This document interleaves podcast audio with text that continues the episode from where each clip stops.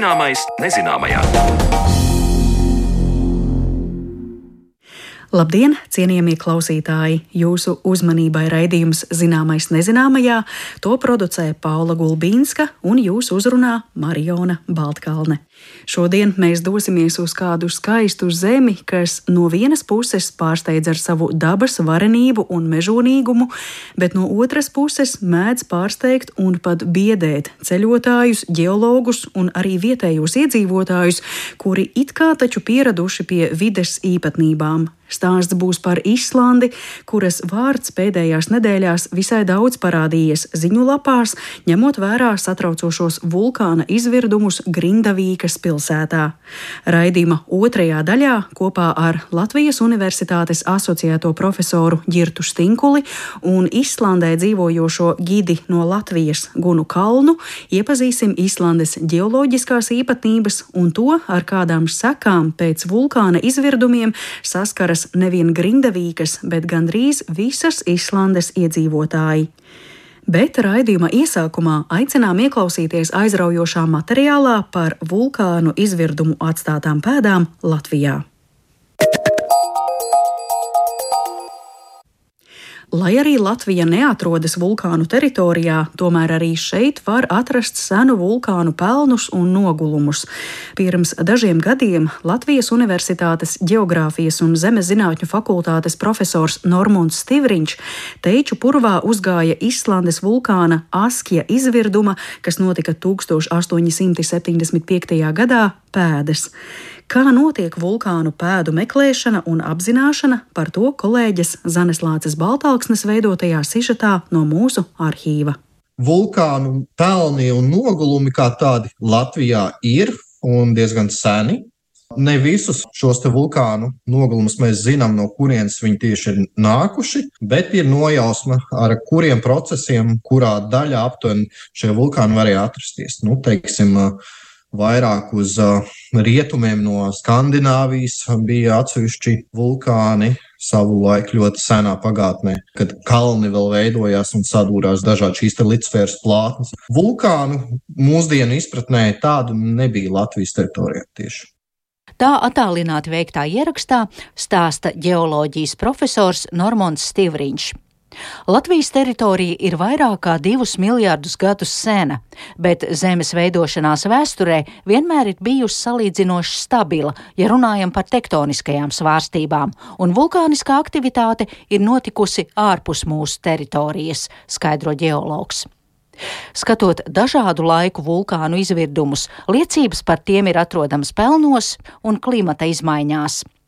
Parasti pēc kāda, kā senāk teica, uguns vēmēja kalna izvirstajiem pelniem vai gāzēm un putekļu daļiņām, ir aizsekta saule, un tāpēc uz īsāku vai garāku laiku klimats top vēsāks. Bet daudz ilgstošākas liecības par tā vai cita vulkāna izvirdumu ir augstnē atrodamie vulkāniskie pelni. Un kā 2021. gadā varēja lasīt interneta portāla Delfi zinātnes sadaļā Campus, tad Normons Stivriņš citēju, teiču purvā apmēram 63 cm dziļumā atrada pelnus no vulkāna Askja izvirduma, kas notika 1875. gada 29. martā. Kā teica pētnieks, tas bijis gluži kā meklēt adatu siena kaudzē. Es Normondam vaicāju, kā varēja noteikt, ka tieši šie pelni nāk no konkrētā Islandes vulkāna. Zinātnē katrā jomā mēs esam attīstījuši kaut kādas pētnieciskas metodes, kuras mēs zinām, ka ar tām mēs sasniegsim vai atklāsim konkrētas lietas. Līdzīgi kā, teiksim, ja mēs pētām aļģes ezerā, tad mēs apzināmies, kuras metodas ir jāpielieto, lai mēs atbrīvotu to paraugu un sagatavotu paraugu, lai mēs redzētu galvenokārt tikai aļģes. Ar vulkānu pelniem ir līdzīgi, ir izstrādātas jau gadiem ilgi šīs metodes, protokoli, kā mēs varam attīrīt paraugus un kā var atrast šos vulkānu pelnus arī ļoti tālā attālumā, kā tiek uzskatīta arī Latvijas teritorija. Un to sauc par kriptotefru, jeb distālo tefru, mikrotefra, jā, dažādi šie nosaukumi. Tas nozīmē neliela izmēra mikroskopiskas pelnu daļiņas tās būtu. Ja? Un vulkāna pelniem ir zināms blīvums, zināms smagums, kuru mēs ņemam vērā, lai ar blīvuma metodēm un šķidrumiem izdabūt ārā no tās zemes, saucamās, ja, vai kaut kādiem paraugiem tieši vulkāna pelnus. Pēc tam šie vulkāna pelni viņi peld vai nogrimst konkrētajās tūbiņās, un tad mēs viņus attīrām, ņemam ārā ar roku, ar sīku tādu pincetīti vai iesūcam, liekam tālāk jau nākošajā solī attīrām, noslīpējam šo vulkānisko pelnu virsmu ar dimanta speciāliem smilšpapīriem, un tad liekam nu, zem lāzera. Ja, tāds ļoti specifisks iekārta, kur Latvijā nav. Tāda ir atrodama. Es, es katrā gadījumā to devos uz Vāciju, uz laboratoriju speciāli, lai veiktu šīs analīzes, kuras laikā tiek noskaidroti primārie ķīmiskie elementi un arī sekundārie. Ko tas nozīmē? Katram vulkānam, vulkāna sistēmai ir savi raksturīgie šie ķīmiskie, geoķīmiskie, šis sastāvs raksturīgs. Un, ja mēs zinām šo lokālo ķīmisko sastāvu no konkrētiem vulkāna izvirdumiem, tad varu salīdzināt šo oriģinālo ķīmisko sastāvu ar tiem rezultātiem, ko es esmu ieguvis.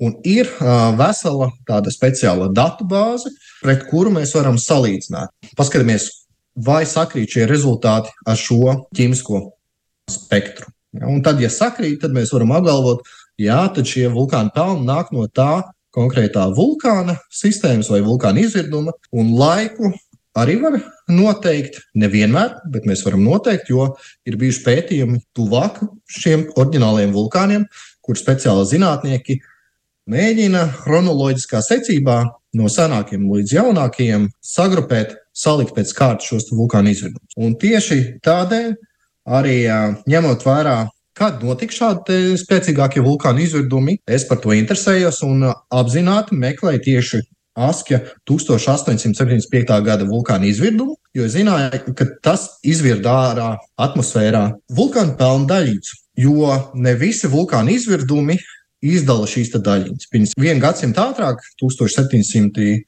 tas bija 82. es pareizi atminos, bija Laki vulkāna izvirdums, kurš izvirda nevis vulkāna pelnu daļiņas, bet tieši gāzes. Arī ietekmēja klimatu, bet tā liecības bija savādākas. Tātad cita veida šīs liecības varēja atrast pēc tam. Bet to, ko mēs izmantojam, tad mēģinām meklēt šīs pelna daļiņas noglumos. Un apzināti, kas tiek darīts Latvijas gadījumā, ko es izdarīju, devos uz Teiču purvu, tad ārēju ezeru, Trikāts ezeru, iegūju noglumus, noteicu vecumu, izmantojot radioaktīvā oglekļa un vēl citas datēšanas metodas, tad iegūju laika skalu. Un tad jau skatījos, kuri vulkāna izvirdumi varēja būt sasniegt arī Latvijas teritoriju teorētiski. Un tālāk jau sekoja apzināta paraugu ņemšana, ap tiem konkrētiem laikiem, kur teorētiski vajadzētu būt šiem izvirdumiem notikušiem. Nu, un tad sākās šis ilgais meklēšanas laiks mikroskopā. Man bija arī daudz tādu paraugu, kad es neatradu neko, bet tieši ar askju izdevās atrast. Kādi secinājumi ir pēc šī jūsu atraduma? Viens, kā jūs teicāt, tā ir vulkāna izvirduma ietekme uz klimatu, bet šie konkrētie pelni Ko šī atrastā liecība stāsta kā tolaik tika ietekmēta Latvijas vide. Kā var nolasīt to mūsu zemes vēsturi pēc šiem pelniem? Tad šis ir svarīgs marķieris noglumos, kuru es varu izmantot, salīdzināt, kāda procesa notiek plašākā apvidū reģionā, ja pat šajā Eiropas līmenī. Jo es varu salīdzināt, kas notika tieši tajā gadā Latvijas teritorijā un citvietā teiksim, tā ārājuša ezerā es atradu arī ledus laikmetu beigu posma, vulkāna izvirdumu pelnu daļiņas. Līdz ar to ir iespējams rekonstruēt, cik strauji atkāpās, teiksim, ledājs no mūsu teritorijas, ja, kā citvietas notika un kādi šie klimatiskie un vidas faktori notika. Jo vulkāna pelni ir burvīgi ieraksti noglumos ar ļoti precīzu laika norādi.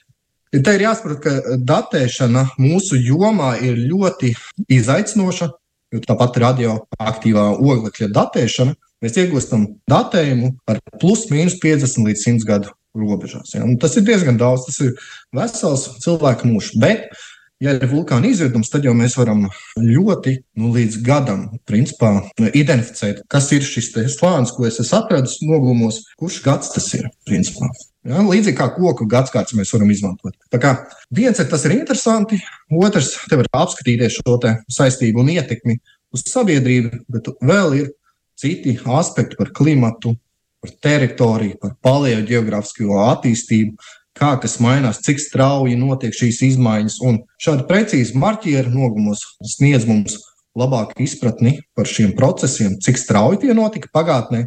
Tad mēs rekonstruējam, un šīs rekonstrukcijas lielā mērā izmanto arī, uh, lai prognozētu arī teiksim, nākotnes scenārijus. Visas modelēšanas sākumā pārbauda, teiksim, tā, kā tas ir noticis pagātnē. Un jo precīzāk mums ir pagātnes izpratne, mēs varam pēc iespējas veiksmīgāk sastādīt šos modeļus. Atgriežoties pie paša vulkāna izvirduma, vai es pareizi saprotu, ka katram vulkānam tie pelni ir kā tāds rokraksts, un tie parāda, kurš vulkāns un kad ir izvirdis? Par eh, šiem konkrētiem vulkāna izvirdumiem mēs varam pateikt pēc geoķīmijas, kuram vulkānam tas pieder šie vulkāna pelni. Jo tajā brīdī, kad notiek izvedums, šī substance ir nu, viskoza, bet līdz ko viņi nonāk gaisā, viņi strauji atdziest. Un tajā brīdī iekapsulē šis signāls ķīmiskais, kurš tiek izplatīts ar pelnu daļņām. Zināmā attālumā nokrīt, paņemam šo paraudziņu, noskaidrojam ķīmiju, un tad mēs varam salīdzināt datubāzē, kuram vulkānam viņš pieder. Laiku mēs nevaram tādā veidā noteikt. Mēs laiku iegūstam vēl papildus, izmantojot citas metodes, chronoloģiskās. Ķīmiskās metodes mēs izmantojam, lai noskaidrotu, kuram vulkānam šie pelni pieder. Kā teica Normons Stivriņš, līdztekus ledus nogulu pētījumiem, kas notiek Grenlandē, attīstās šo vulkānisko pelnu pētniecība, un pateicoties tam, vulkāniskie pelni sniedz precīzus mērījumus un nodar kā datēšanas rīks, nosakot konkrētu laiku Zemes vēsturē. Tātad veido precīzu datubāzi par ģeoloģisko pagātni.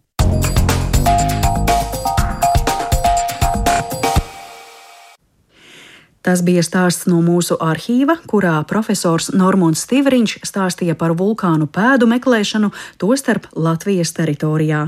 Bet par vulkāniem, kuri joprojām mūsdienās spēj radīt pamatīgas raizes Islandes iedzīvotājiem, runāsim pēc brīža raidījuma turpinājumā.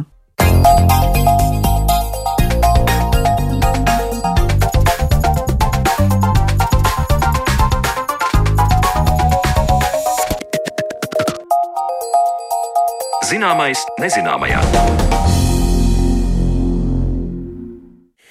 Pēdējā laika izvirdumi Islandē radījuši pamatīgu satraukumu vietējiem iedzīvotājiem un rezonanci citu valstu mēdījos. Postījumi Grindavīkā liecina, ka dzīve uz pulveramucas arī nākotnē var pamatīgi ietekmēt islandiešu dzīves. Raidījuma turpinājumā mēs iepazīstam salas geoloģiju un to, kā klājas vietējiem cilvēkiem izvirdumu laikā. Un par to šodien plašāk ir gatavs stāstīt Latvijas Universitātes Geogrāfijas un Zemes zinātņu fakultātes geoloģijas nodaļas asociētais profesors Girts Stinkulis. Labdien, Girt! Labdien! Un attālināti mums pievienojas cilvēks, kurš šobrīd kilometru ziņā ir attālināti no Latvijas, un tieši tajā vietā, par kuru mēs šodien runāsim, un tā ir ledāju gide Islandē Guna Kalna. Labdien, Guna! Labdien! Mēs eh, noteikti savu daļu laika šajā sarunā veltīsim, lai saprastu, kas tad šobrīd Islandē notiek. Bet pirms tam, ģirt, jautājums jums, vai pats esat bijis Islandē pētnieciskos nolūkos, varbūt citos nolūkos? Diemžēl nav sanācis. Ir būtis Grenlandē, bet uh, Islandē līdz šim nē. Bet uh, nu, noteikti kādreiz es tur vēlētos aizbraukt, un varbūt nevienu reizi vien. Sanāk par Islandi gan ļoti daudz runāt ar studentiem tieši no tāda geoloģijas skatu punkta, vai ne? Islanda ir nu, diena, ļoti interesanta vieta pasaulē no geoloģijas, no vulkanoloģijas viedokļa. Nevelti tur ir daudz pētījumu, daudz publikāciju par šo ārkārtīgi interesanto mm. teritoriju. Noteikti to arī analizēsim plašāk. Es novēlu jums kādreiz aizbraukt uz Islandi, bet ne tajā brīdī, kad risinās tie notikumi, par kuriem mēs šodien runāsim ar Gunu. Guna, tad stāstiet, kur jūs šobrīd atrodaties un vai tur ir mierīgi ņemot vērā pēdējā laika vulkānu aktivitāti? Jā, es dzīvoju mazā pilsētiņā Akranis, kas ir apmēram 45 km no Reikjavīgas, bet no tās vietas, kur notika vulkāna izvirdums, tie ir apmēram 80 km. Līdz to vienas stundas laikā es varu aizbraukt Šeit mēs nejūtam nekādas aktivitātes saistībā ar vulkānu izvirdumu. Vienīgais, kad vasaras laikā, ja magnitūdas zemestrīcēm bija virs četrām, tad mēs varējām just arī šeit akranis, kā tad māja drebēja, to varēja just, bet citādi mēs aktivitātes vulkānu izvirdumu nejūtam šeit. Vai notikumi Grindavīkā pašlaik vēl plaši tiek atspoguļoti ziņās par sakām un to, kas ir noticis pēdējā laikā? Jā, protams, tā ir viennozīmīgi visas nācijas diezgan liela katastrofa, jāsaka tā, jo, ja teorētiski ģeologi varēja paredzēt, ka tas notiks tik tuvu, bet neviens nevarēja paredzēt, ka tas notiks pilsētas, gandrīz teritorijā, un to tomēr negaidīja, un kā mēģināja šo domu atvairīt. Un, ja 18. decembrī notikušais izvirdums bija salīdzinoši vienkāršs un mierīgs, un cilvēki bija ļoti toleranti, un viņi zināja, ka viņi atgriezīsies mājās, tad Nu, pēc 14. janvāra šobrīd ir tā, ka cilvēki saprot, ka visu nākotni viņiem ir jāmaina, jo viņi vairs nevar atgriezties tajā vietā. Vieta ir kļuvusi nedroša dzīvošanai, cilvēki meklē dzīves vietu šobrīd, darbus, visu nākotni viņiem ir jāpārorientē, jāpārorganizē. Un, Un šobrīd jāsaka tā, ka ziņās viennozīmīgi Grindavīgi ir numur viens Islandē, jo valdība joprojām lauza galvas kādu lēmumu pieņemt. Un ir četri dažādi varianti. Visticamāk, tiks šīs mājas atpirktas no iedzīvotājiem. Tā varētu būt apdrošināšanas summa, ja māja nodeg, bet tie ir apmēram 75% no tirgus vērtības. Līdz ar to nu, cilvēki saņems teorētiski mazāk nekā viņi varbūt ieguldījuši tās mājas būvniecībā. Tā problēma lielākā ir, ka šobrīd Islandē nav tāda likuma, kas varētu šo risināt. Jo ir likumi, ja māja tiek nopostīta, bet ja māja ir vesela un stāv uz zemes, bet zeme ir nedroša dzīvošanai, tad nav tāda likuma. Tāpēc arī šis viss, kas saistās ar Grindavīku, ir viennozīmīgi bezprecedents. Mm. Tāpēc ļoti daudz ziņās par to tiek stāstīts ikdienas. Jūs sakāt, ka nav likuma, lai gan liekas, Islande ir saugusi ar vulkānu aktivitāti, ka tur būtu visam no A līdz Z jābūt atrunātam, kā mēs rīkojamies, bet lūk, joprojām ir gadījumi, kas ir jauni arī šīs salas politikā un vēsturē. Guna, jūs veidojat blogu Islandes stāsti. Mēs arī tajā ielūkojāmies, un jūs rakstāt 14. janvāris Islandē ieies vēsturē kā viena no traģiskākajām 21. gadsimta vulkāna izvirduma dienām. Neviens neparedzēja šādu scenāriju. Grindavīkas iedzīvotājiem šī bija dramatiska diena, skatoties ekrānos, kā sadeg viņu dzīvojamās mājas, īsta apakalipse. Un tālāk jūs turpināt. Īslandes premjerministre Katrina Jakobsdotira šo dienu nodēvēja par Īslandes melno dienu, vien piebilstot, ka saule arī reiz spīdēs. 14. janvāris, bet jūs pirmīt minējāt arī, ka bija citi iepriekšēji datumi, pēc kuriem cilvēkiem vēl bija cerības. Tātad es saprotu, ka mēs runājam par vulkānu izvirdumu sēriju. Vai jūs varat uh, paraksturot chronoloģiski, kas tad īsti notika un kā cilvēki uz to reaģēja? Jā, viennozīmīgi te vairāk stinkuļkungs varēs papildināt par Reikjanas pussalu kā tādu, kur ir sešas vulkāniskās sistēmas un kuras ir sākušas aktivizēties tikai šobrīd pēc 800 gadu pārtraukuma. Līdz to visas tās apmetnes, kas ir uzbūvētas, tur jau nepieredzēja nekad, kad tur ir bijis kāds vulkāna izvirdums. To ģeologi tikai vēlāk atklāja, ka šīs lavas ir dažāda vecuma. Nu, šobrīd jau no 2021. gada sākās ļoti aktīvi vulkāniskie procesi Rēķinas pussalā, un uh, katru gadu notika pa vienam izvirdumam, izņemot pagājušo gadu, kad notika divi. Uh, Tad 18. decembrā izvirdums tas vairāk bija uz ziemeļiem no Grindavīgas, kas neapdraudēja pašu pilsētu, bet nu, tātad 14. janvārs tas tiešām iezīmējās ar ļoti tādu negaidītu pavērsienu, ka vulkāna izvirdums notika ļoti tuvu apdzīvotajām mājām, un trīs mājas nu, rezultātā arī sadega jā, tas varētu būt tā īsumā. Un tātad tas 14. E, janvāris, tas ir kaut kas tāds, kas tiešām līdz šim nav bijis piedzīvots, jo ir šobrīd tādi postījumi, ka tajā vietā vispār nav iespējams atgriezties dzīvot. Ir tā, 1993. gads ir gads, kad notika Heimejs vulkāna izvirdums. Un tas bija pēdējais laiks, tad 50 gadi bija pagājuši, kad nebija šāda pieredze cilvēkiem. Bet šīs mājas, Heimijas puselā, Vestmanu salās, tās tiešām tika liela daļa aprakts zem lavas, un tur šobrīd ir muzejs izveidots. Uh, bet 50 gadus nekas tāds nebija noticis. Izvirdumi notikuši dažādās Islandes teritorijas daļās, bet nekad uh, tik tuvu apdzīvotām vietām. Un tieši tas bija ļoti šobrīd ar internetu palīdzību, ka cilvēki var vērot, kā nodeg viņu mājas. Tas tieši ir mentāli ļoti sarežģīti un ļoti grūti to visam tikt pāri.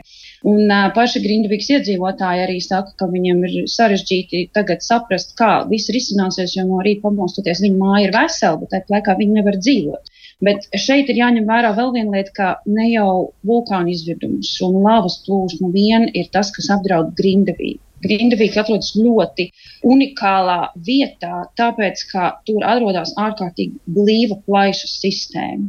Un šobrīd, 10. janvārī, pirms vulkāna izvirduma 14. janvārī, arī viens vīrietis nejauši iekrita plaisā, blīvējot uh, augsni un uh, viņu neatrada. Viņš pazuda, bet šī cilvēka nāve atklāja to, kas vispār notiek zem zemes, zem virsēja augstnes slāņa. Jo līdz šim nevarēja iedomāties, ka tur ir tik daudz pazemes tukšumi, un uh, tie visi ir klāti ar ūdeni. Katru dienu cilvēki šobrīd strādā un pēta, viņi atklāja jaunas plaisas. Līdz ar to tas rada šo nedrošo situāciju, kāpēc tur nevar dzīvot. Jo cilvēki var iekrist, un arī bērni var iekrist un pazust. Un tas ir pats galvenais šobrīd, kāpēc pilsēta ir pilnībā slēgta. Ja ziņās gāja vēl vakar cerība, ka cilvēki varēs aizbraukt uz mājām, savus mantas savākt. Tad šodien pieņemts lēmums, ka nē, pilsēta joprojām ir nedroša, lai ļautu iedzīvotājiem tur vispār iegriezties. Tātad eh, nodegušas mājas, pat ja māja ir vesela, tad teritorija ap to ir nelietojama, bojā gājuši Jā. cilvēki.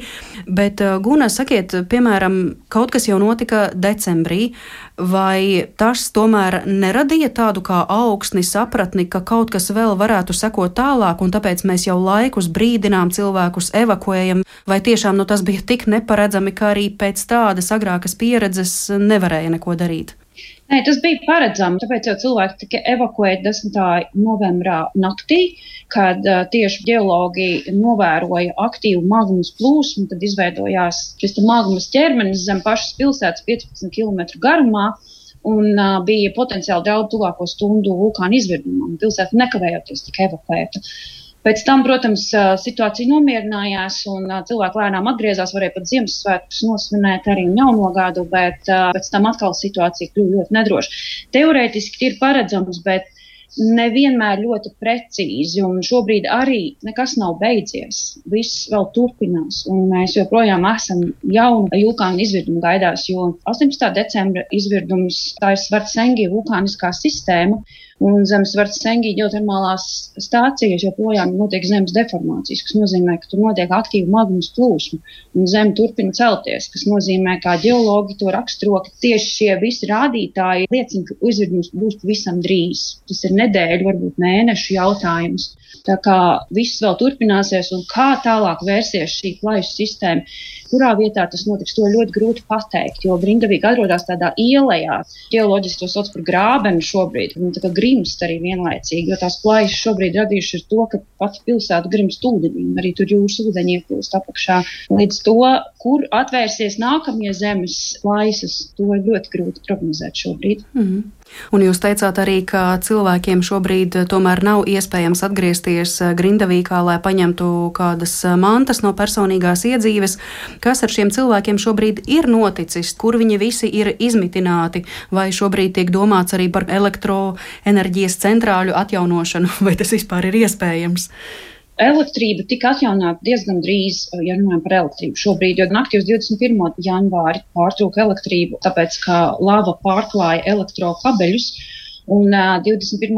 janvārī visu dienu elektriķi strādāja, lai dzēsētu šo so 700 grādus pēc Celsija karsto lavu uh, Un uh, tika uzbūvēta arī elektrostabi vienā lavas plūsmas pusē un otrā, un pāri ar helikopteru pārvilkts elektrokabelis. Tas bija vesels dienas darbs, bet šobrīd pilsētā elektrība atkal ir atjaunota. Tā problēma lielākā bija ar karsto ūdeni, jo lava pārklāja galveno apkuras cauruli, kur bija ļoti liela.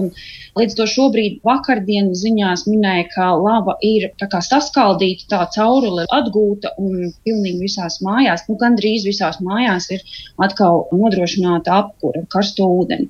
Par iedzīvotājiem 3669 iedzīvotāji, ja nu pēc datiem mēs skatāmies, tie ir šobrīd izkaisīti pa visu Islandi Lielākā daļa, protams, ir Reikjavīgas reģionā vai 100 km rādījusā galvaspilsētu.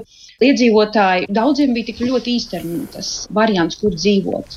Nedēļu, divas, varbūt mēnesi, varbūt divus mēnešus, dažiem tikai līdz janvāra beigām, jo viss cerēja atgriezties. Bet šobrīd ir šis grūtākais ir pārvarēt to, ka nebūs iespēja atgriezties. Varbūt divus, varbūt desmit gadus, varbūt nekad.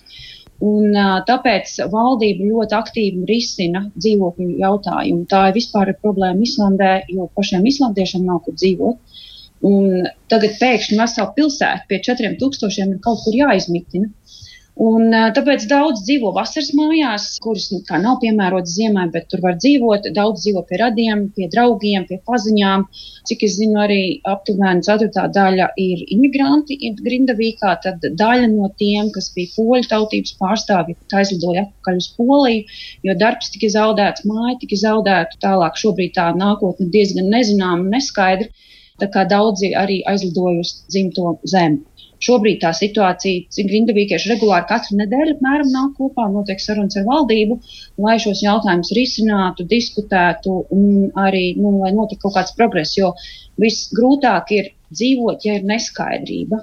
Un tā šobrīd ir tas vārds, kas visvairāk raksturo situāciju saistībā ar grindavīgu. Visi gaida valdības konkrētus lēmumus. Uh, Un, uh, tas ļoti komplicēts darbs, jo valdība bija ziemas atvaļinājumā, sanāca tikai no 20. janvāra kopā. Tāpēc arī tas viss ir ļoti mazliet aizkavējies un prasīs laiku, lai to visu mm. atrisinātu. Bet mēs varam teikt, ka viss tas, kas ir noticis, tas skar tieši Grindavīku, vai tomēr tas izgāja arī kaut kur ārpus jau pilsētiņas robežām. Tieši vulkāna izvirduma ziņā vai tie postījumi skāra tieši konkrēti šo Jā, pilsētiņu? Tie tikai mm. to vietējo, jo tā kā tas nav sprādzienu bīstams vulkāns, tas neatrodas zem ledājiem, tas ir plājs vulkāns, līdz to nebija nekādu ļoti daudz izmešu, vairāk ir indīgās gāzes, kas joprojām ir izdalās no dziestošās lavas. Nu, tas vairāk varētu apdraudēt pilsētu, bet citas teritorijas daļas nav šobrīd mm. apdraudētas. Bet tā problēma ir, ka Sandņuka Gigera šī vulkāniskā sistēma ir arī ļoti saistīta ar citām vulkāniskām sistēmām Reikens pussalā. Viņas var vienu otru tā teikt atmodināt. Un tā problēma ir, ka turpat ir Reikjavīka, turpat ir Hapnafjordu, vienā no pilsētām, kas jau ir būvēta uz senas lavas. Kā ja vulkāna plaisas atvērsies mazliet uz ziemeļaustrumu, rietumu daļu, tad varētu būt arī tā reģiona daļa apdraudēta no lavas plūsmām. Un jau cilvēki šobrīd kalkulē, kā pasargāt Hapnfjordu pilsētu, būvējot aizsargs sienas no lavas plūsmām. Un tur ir daudz blīvāks. Tā jau ir Reikjavīgas daļa, tā teikt, kas nu, ir saplūdusi ar galvaspilsētu, un tad postījumi būtu daudz, daudz lielāki. Šobrīd nākotne arī attiecās uz visu, kas atrodas Reikjanas pussalā, uz visām apdzīvotām vietām. Tāpat tur ir Vogara mazla pilsētiņa, kā arī grūti prognozēt, kur būs vulkāna izvirdums. Ja tas ir tuvu šai pilsētai, arī tas ciematiņš, tā ir vairāk no pilsētas, bet ciemats, arī to varētu nopūstīt. Un visi cilvēki šobrīd ir mazliet nobežījušies, kā tālāk risināsies notikuma gaita. Hmm tiešām dramatiski, un par velti mēs arī sākumā teicām, ka tā ir dzīve uz pulvermucas, un beigās Tas, kas notiek vienā mazā pilsētiņā, pārņem kādu pussalu, kādu zemes ragu, un beigās tas attiecas uz visu nāciju. Pievērsīsimies geoloģiskajiem jautājumiem, un Guna jau pieminēja iepriekšējo vulkāna izvirdumu, kas nāciju satrieca. Tas bija 1973. gads, Heimājas izvirdums Vestmanu salās. Nu, ja mēs atgrieztos vēl senākā vēsturē, 1783. gads, vulkānu krāteru Laki izvirdums, kas bija tiešām postošs, nogalināti 25% iedzīvotāju un pat atstāja sekas sekas uz Eiropas klimatiskajiem un politiskajiem notikumiem. Tas, par ko nu pats stāstīja Guna, par to šķiet mēs varam lasīt grāmatās, bet eh, te redzams, ka tas izpaužas dzīvē. Girta, vai jūs varētu tādā, nu, teiksim, putna lidojumā no apakšas vai šķērsgriezumā raksturot, kāda tad vispār izskatās Islandes pazemes dzīve, kas tur notiek? Jā, Islanda no ģeologa viedokļa ir ļoti interesanta vieta. Tā atrodas vienlaicīgi uz spredinga zonas, būtībā no angļu vārdiņa spread, izplesties.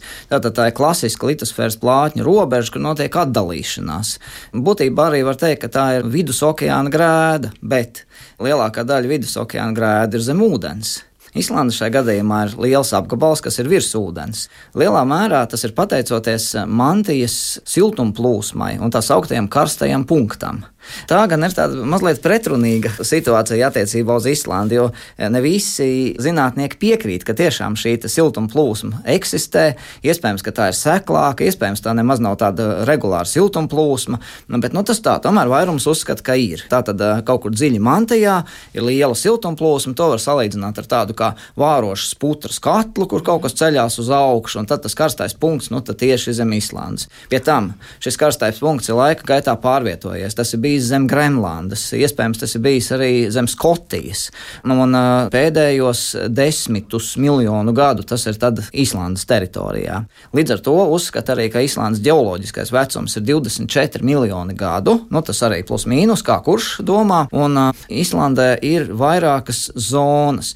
Būtībā mēs varam teikt, ka vulkāniskās zonas tās ir mazāk par desmit. Ir rietumu, ziemeļu, austrumu. Tās ir būtībā šīs spreadinga zonas daļas. Var teikt, tieši šajās vietās tās litosfēras plātnes atbīdās viena no otras. Tas ir tādas mega lielas struktūras, un tajās notiek kustības. Pie tam zinātnieki uzskata, ka šī rietumu zona, kas sakrīt ar Reikjānas pussalu, pamazām atdod savas pilnvaras austrumu zonai. Var sakot, nu tā mantijas karstā punkta ietekme vairāk ir jūtama austrumu pusē. Nu, principā ir tā, ka tai austrumu zonai būtu jābūt aktīvākai.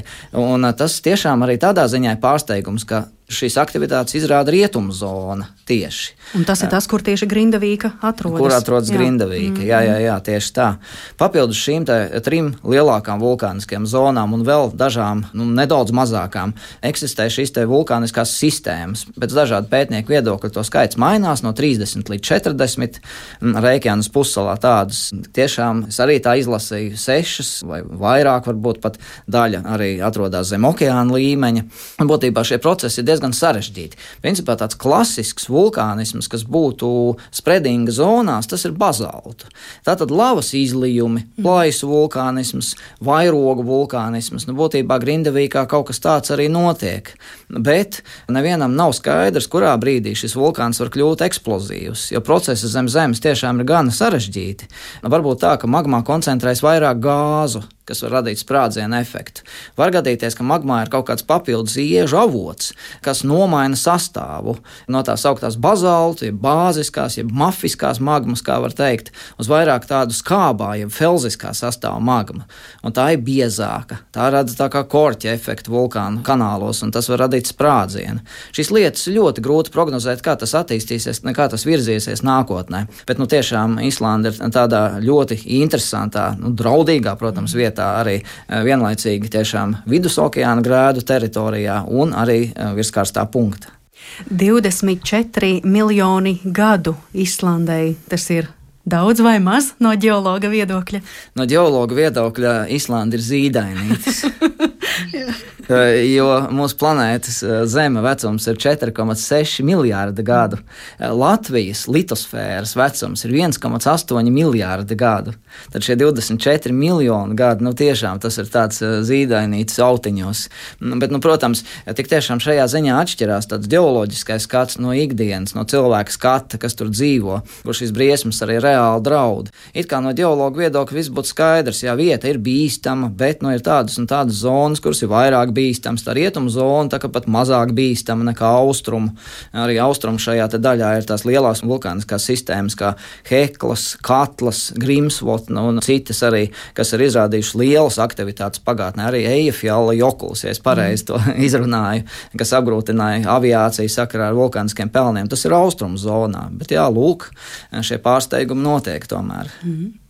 Cik lielā mērā tie vulkāni, kuru aktivitāte noteikti ir pētīta un apzināta, cik daudz tie atrodas tuvu tieši cilvēku apdzīvotām vietām? Nu, protams, pilsētas jau nebūvē tieši uz vulkāna un tā, bet nu, ļoti jau izvairīties Islandē nevar. Mm -hmm. Tomēr no tuvuma vulkānam, jo viss jau tomēr ir tuvu. Ja tā ir tāda liela vulkāniskā katastrofa, nu, diemžēl tas eh, skar visu Islandes teritoriju. Mm. Kā jūs, Guna, to ikdienā vērojat, piemēram, pēc šādas traģēdijas, ir kādi, nu, teiksim, tā preventīvie pasākumi arī mēdījos ziņās cilvēkiem, kas, ziniet, arī tur un tur ir vulkāns, varbūt esiet piesardzīgi, vai arī, nu, nu ko mēs tur varam darīt, nu, kā ir tā ir dzīvojam? Jā, tas ir interesants jautājums, jo šobrīd mainās domāšanas veids Islandes sabiedrībā pirmām kārtām pievērst vairāk uzmanības zemes dzīvēm, kur būvēt mājas, jo tagad vairāk cilvēku par to aizdomājas, kas nebija līdz šim tā kā varbūt tik aktuāli. Bet 2010. gadā, kad Ejafjatlā Jokutus izvirda intervēju pēc tam vietējos zemniekus, kur visvairāk bija cietuši, vai tiešām jūs negribētu mainīt dzīves vietu, tad taču nu, tomēr tik bīstami dzīvot. Nē, viņi nemainīs, jo te ir ļoti auglīgas zemes, un viņi mīl šo zemi, viņi paliks turpat. Līdz ar to islandieši vienmēr mācījuši pielāgoties jebkuriem apstākļiem, mainījuši dzīves vietu, aizbraukuši citur dzīvot, bet uh, vienmēr pielāgojušies dabas procesiem. Tāpēc arī šeit, ja ir kāds bīstams faktors Islandē, tad tā ir daba un dabas process. Vēl es gribēju pieminēt, jūs minējāt par to apdzīvoto vietu, teritoriju un vulkāniem. Tad, um, kā jau Stinkaļkungs minēja, nu, netiek pilsētas būvēts, bet kas vairāk var apdraudēt tieši šie plūdi, jokurklaupi, kas nozīmē, ka katla ir vulkāns, kas atrodas ļoti tuvu vīkai, ciematiņam, un ja katla izvirdīs, kurš vairāk kā simts gadus jau ir plusējusi, tad visticamāk šis ciematiņš tiks noslaucīts no plūdiem. Un tas ir tas lielākais bīstamība, nevis pati varbūt gāzu vai pelnu daļas gaisā, bet tieši negaidīti pēkšņi plūdi, jo ledājas kūst jo tie atrodas ļoti daudz vulkānu zem, arī katla zem ledāja, un līdz to ledāju ūdeņu kušanas plūdi var noslaucīt ļoti daudz apdzīvotas vietas un sabojāt ceļus un tiltus aiznest prom, kā tas jau ir bijis vēsturiski izņemdēt. Vulkāni var radīt dažādas sekas, var nodedzināt teritorijas, var radīt pelnu putekļu mākoņus, kas ietekmēja arī mūsu iespējas ceļot 2010. gadā.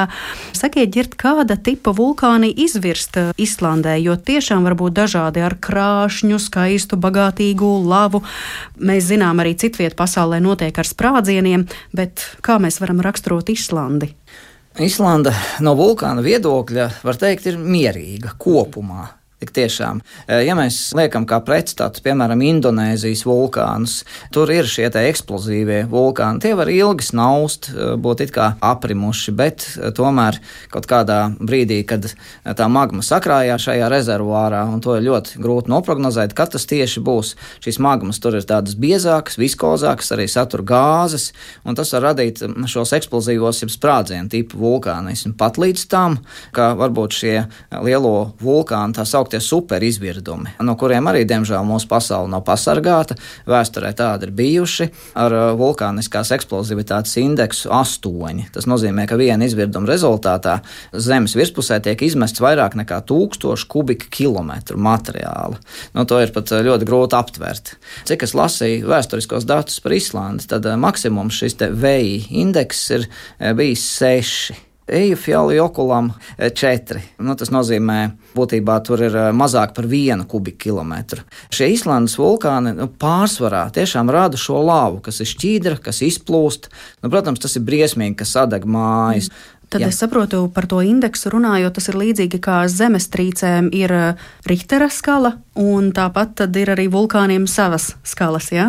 Ir savas skalas, jā. Tās skalas ir dažādas, protams. Tur ir arī vulkāni klasificēti pēc šī mierīguma vai eksplozivitātes, attiecīgi, kur vienā galā ir tā teikt plīnija tipa vulkāni, kas vienlaikus ir vezūs, kur ir milzīga eksplozivitāte, bet nav praktiski šīs lavas, un otrā galā tad ir Havaju salu tipa, jeb Islandas tipa, plaisu vulkāni, vairogu vulkāni. Nu jā, bet tur tik tiešām arī Guna ļoti detalizēti izstāstīja par šīm plaisām, par lūzumiem zem zemes. Un tas jau arī ir milzīgs drauds. Un tas tieši šādos te plaisu vulkānos ir raksturīgi. Nu, nu dien nevar paredzēt, kur tā plaisa, cik tas dziļi aizies. Tur noteikti jaunumi, arī ģeologiem. Tur daudz jaunas informācijas, ko pētīt un ko domāt būtībā, kā tas notiek. Un, protams, arī šīs gāzes, sēra gāzes, fluors un citas, ja nelabvēlīgi vēja virzieni, tas var arī bojāt cilvēku un dzīvnieku veselību un pat dzīvību apdraudēt. Tas viss tur ir. Protams, ir tas, ka Īslanda jau nu ir šīs pulveru mucas, ka ir šī regularitāte tāda. Nu, cerams, ka nebūs tik tiešām tie lielie draudi, par kuriem bažījās cilvēki. Jā, bet tik tiešām es arī lasīju jaunāko informāciju, ko piedāvā Islandes meteoroloģijas centrs, kur arī ģeoloģiskā informācija, ka nu, atkal ap Grindavīku kaut kas tur briest, kaut kur tā magma tur krājās jā, pazemē. Mm. Bet raugoties tādā ģeoloģiskajā vēsturē, tad es saprotu, ka šis manis iepriekš pieminētais vulkāna krāteru Laki izvirdums ir tāds eh, top viens, ja, kas eh, bieži vien tiek minēts kā vis vispostošākais Islandes šajā vulkanoloģijas vēsturē. Jā, vēsturiskos avotos tā var izlasīt, bet no otras puses, skatoties šo informāciju par to vēju, par vulkāniskās eksplozivitātes indeksu, tie ir arī citi, kas ir bijuši pirms Laki, un kur arī ir it kā vēsturiskas liecības. Jā, tā tad Laki, Guna, jūs jau no, minējāt Heimējas izvirdumu, vēl kas ir tāds īpaši izceļams. Jā, Lakija vienīgais grib piebilst, ka ceturtā daļa no cilvēkiem izmirst vulkāna aktivitātes rezultātā 1783. gadā, bet tas notika nākamo trīs gadu laikā. Neviens negāja bojā izvirduma laikā. Cilvēki vairāk mira no bada, no tā, ka bija tumsa, piķa melna tumsa, nebija vasaras, un saules gaisma bija pilnībā klāta ar pelniem un nevarēja izaudzēt arī pārtiku. Jā, protams, vēl ir hekla slavenā mūsu heklā, kas sieviešu vārdos viņa devē vulkāns Islandē. Pēdējais izvirdums 2000. gadā, bet viens no visaktīvākajiem vulkāniem, kurš principā 40 km garā atkal plaišu sistēma, vulkāniskā sistēma. Un, jo ilgāk hekla guļ, jo pustošāks varētu būt arī izvirdums. Un viens no bīstamākajiem bija 1104. gadā, kad arī klinšu mazās daļiņas pārklāja pusi no Islandes teritorijas. Vēl viens milzis, kurš ir patiesībā lielākais pēc izmēriem, ir Ēreivi.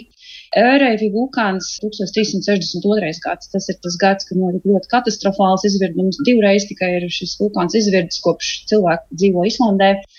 Bet eh, šī 14. gadsimtā izvirdums pārklāja milzīgu teritorijas daļu, kad cilvēki nevarēja dzīvot visā šajā reģionā, kas ir dienvidos 40 gadus. Tā nebija pilnībā nebija apdzīvota teritorija, tāpēc arī vulkānam šis no islandiešu valodas nozīmē sabojātā zeme. Tas ir vēl viens milzis, kas ik pa laikam kā, rada zemestrīces arī, un ļoti daudz geologu baidās tieši no ērēju mošanās, jo tās varētu būt vēl bīstamākas par katlu. Jā, noslēdzošajā daļā Man liekas, ka būtu interesanti, varbūt arī zināmā mērā biedējoši, bet iezīmēt tādu Islandes nākotnes ainu. Girta un jūsu jomas kolēģi, kādu varbūt skatu zīmē attiecībā uz Islandi, cik droša šī teritorija varētu būt dzīvošanai nākotnē? Nesot Islandē, es teiktu, ka kopumā jau nav droši tur dzīvot, bet uh, islandiešiem jau ir cita filozofija. Viņi ir drosmīgi cilvēki, un vispār es uh, islandiešus vēl kopš tā laika, kad uh, viņi pirmie atzina Latvijas neatkarību, vērtēju ļoti augstu, protams, varonīga tauta. Geologu viedokļi, nu nekas jau lielos vilcienos nemainās, bet tas, kas mainās, metodas. Un uh, es ļoti ceru, ka šīs metodas ies uz priekšu, un ka Islanda kā vulkānisma sistēma sistēmu kopumu sapratīs labāk. Jo kādas tik metodas neattīstās, es ar lielu pārsteigumu izlasīju, tagad, kad sākās nu, šīs ziņas ja, par notikumiem, ka zemestrīces fiksē ar optisko kabeli optiskās šķiedras kabeli, kur būtībā seismiskās svārstības izrādās, ka tur ir īpatnējā veidā fiksējamas, nolasāmas, un tā ir ļoti ātra un laba metode būtībā. Un vēl ir tāds zināms pluss, runājot par vulkāniem, ka zemestrīces ir priekšvēstneši vulkāniem, nevis otrādi. Līdz ar to, ka palielinās seismiskā aktivitāte, tad var sākt domāt, ka tas vulkānisms ir kaut kur gaidāms šajā te teritorijā. Tāpat arī satelīti novērojami, precīzie zemes virsmas mērījumi, redzēt, ka zemīte uzbriež spiest. Cerams, ka attīstīsies geofizikālās metodas, ka varēs izprast šīs pazemes plaisu sistēmas labāk tik tiešām un tos draudus saprast. Tā kā nu, metodas jau nu, ļoti, ļoti attīstās, un es ceru uz to, ka būs labākas prognozes un cilvēki varēs justies drošāk, jo labāk zinās, varbūt, kas ir sagaidāms. Mm. Guna, vispār cik ilgi jūs esat Islandē un vai plānojat tur arī turpināt savas gaitas par spīti visiem šiem periodiskajiem vulkānu draudiem? Jā, es esmu pastāvīgi divi gadi dzīvoju uz vietas, bet pirms tam jau braucu arī ar grupām šeit, un viena pati arī braucu ceļot. Tā kā jā, man nākotnē viennozīmīgi saistās ar Islandu, un es šeit arī palikšu. Un es domāju, visi islandieši ir pieraduši pie tā, kā šeit notiek dažādi dabas katastrofas, jo nu, vulkāni ir viena lieta, tāpat jau ir lavīnu bīstamība, dubļu noslīdeņi, ļoti daudz ir arī fjordu teritorijā.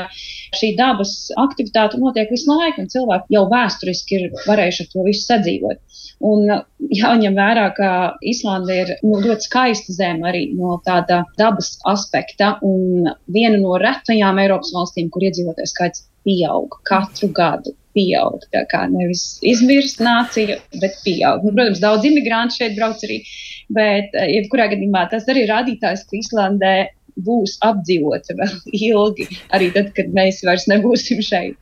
Bet sakiet, tas, par ko Girts minēja tieši par šiem tehnoloģiskajiem jauninājumiem, piemēram, es iedomājos kaut kādas varbūt lietotnes, kas iedzīvotājus brīdina, ka kādā teritorijā ir seismiskā aktivitāte, vai jūs ar to saskaraties, redzat, ka tas iet uz priekšu? Jā, protams, Islandes meteoroloģiskais dienests, kas izdod brīdinājumus dažādās valsts daļās. Tātad dzeltenā ir jau, kas ir diezgan bīstama krāsa, un oranžā tā jau ir, nu, varētu gandrīz vai, nu, nesagluži sarkanā, bet gandrīz jau ekstrēma, kad ir ļoti jāuzmanās. Tie var būt vēji, tie var būt vulkāni izvirdumi tie var būt nu, jebkāda cita dabas aktivitāte, bet pārsvarā šeit ir ļoti spēcīgi vēji. Un vēji var nopūst mašīnas no ceļiem nost, un uh, līdz tam meteoroloģiskais dienests un arī Vega Gerdina, kas ir ceļu departaments, kuriem ir sava arī brīdinājuma sistēma, kuru ceļi ir slēgti. Jo ļoti bieži ir arī galvenais ceļš tiek slēgts numur viens, apli ceļš, kā, ja posms ir ļoti vējains vai sniega vētra plosās, tad arī ceļš tiek slēgts. Un jāņem vērā daudz šie faktori. Un meteoroloģiskā dienesta, tagad šīs tās divas galvenās institūcijas, protams, vēl daudz citas, kas brīdina, arī vietējās pašvaldības brīdina. Radio, televīzija nemitīgi par to brīdina arī. Cilvēki visu laiku ir informēti. Nu, līdz ar to izskatās, ka islandieši Līdzīgi kā Latvijā mēdz teikt par liepainiekiem, liepainieki ir norūdīti jūras eh, skarbajos vējos, tā islandieši ir norūdīti vēl daudz citos skarbākos vējos un gatavībā kaut kur arī posties projām, ja tas ir nepieciešams. Kā jau mēs arī noskaidrojām, nevienmēr to ir iespējams paredzēt, bet eh, es tikai novēlu, lai šī melnā diena, Islandes melnā diena, par kuru runāja Islandes premjerministre Katrina Jakobs Dotira, kļūst gaišāka, un eh, saule noteikti arī lai uzspīd un lai Grindavīkas iedzīvotājiem šī situācija atrisinās pēc iespējas labāk. Guna un Girta, es saku jums abiem lielu, lielu paldies, ka jūs eh, piedalījāties šajā sarunā. Mums bija tiešām brīnišķīga iespēja uzzināt eh, tādu dzīvo stāstu gan no pašas Islandes, kas tur notiek, un arī saprast šo salu no ģeoloģijas vēstures un aktivitātes krietni labāk. Un eh, klausītājiem atgādinu, ka šodien ar mums kopā bija Latvijas Universitātes Geogrāfijas un Zemes zinātņu fakultātes ģeoloģijas nodaļas asociētais profesors Girts Stinkulis un ledāju gide Islandē, visa starpā arī geogrāfe Guna Kalna. Lielas paldies, Guna! Paldies! Un paldies arī jums, Stinkuļkungs, ka bijāt ar mums kopā. Paldies! Ļoti patīkami! Paldies jums, klausītāji! Ar to tad raidījums šodien izskan. Par to gādāja Paula Gulbīnska, Gunters Plūcis, Girts Bišs un pie mikrofona bija Mariona Baltkalne. Patīkamu dienu un patīkamu visu nedēļas turpinājumu. Visu labu!